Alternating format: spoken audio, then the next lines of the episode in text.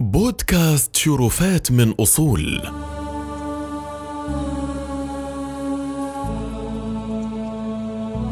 ارتكزت هذه الحلقة على مقالة للكاتب محمد أحمد برحمة وقد اختصرت وعدلت بما يتناسب ومقتضيات الإنتاج الصوتي.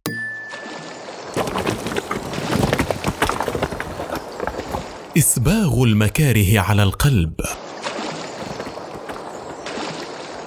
من رحمة الله بك أن يرتطم قارب عمرك ببعض الصخور لتجد وتجتهد في التجديف.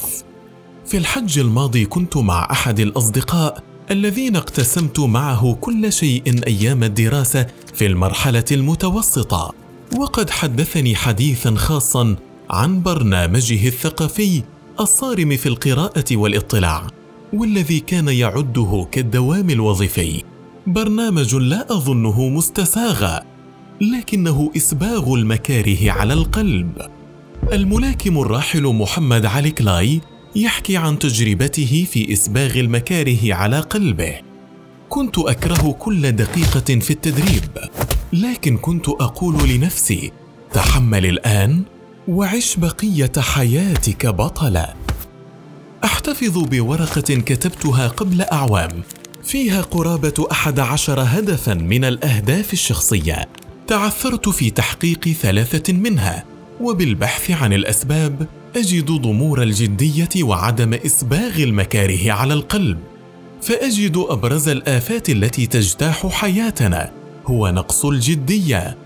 في الوقت الذي نتعذر فيه بعبء الالتزامات وضيق الوقت ولو صارحنا أنفسنا لعلمنا أن الوقت ينساب من بين أصابعنا كالماء ويحتاج إلى قبضة حديدية توقف هدره.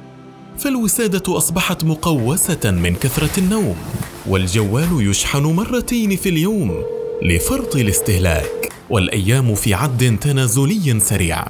من صدف العام الفائت أن آخر كتاب قرأته عظماء منسيون في العصر الحديث. القاسم المشترك بينهم على اختلاف أنماطهم هو التعب والجدية. سير يقف الواحد أمامها مشدوها فاغرا فاه.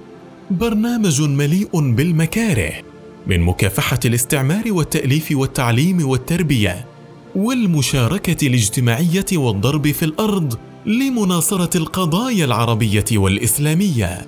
تخرج من هذا الكتاب وأمثاله بدرس بسيط نظري عسير عمليا لن تتذوق النجاح. ما لم تكابد المشاق وتلعق الصبر. فالنعيم لا يدرك بالنعيم. إلى جانب أهداف العام. ضع هدفا ساميا سمه مشروع العام. واسقه من يومك. فأفضل مؤشر على انتظام المسير نحو تحقيق أهداف العام هو اليوم بدقائقه وساعاته. فالأشياء الصغيرة في يومك تصنع الفرق الكبير. يقول الشاعر غازي القصيبي رحمه الله إذا كنت تريد النجاح فثمنه الوحيد سنوات طويلة من الفكر والعرق والدموع. وفي المدهش لابن الجوزي نص مدهش يقول شجر المكاره يثمر المكارم والجد جناح النجاة. معسكر الوقت يا سادة الذي تسوده البطالة يقود إلى مزبلة الفناء وبإسباغ المكاره على القلب حول الله وقوته وعونه. تكتب لنا الخلود. وعلى الله فليتوكل الطالبون.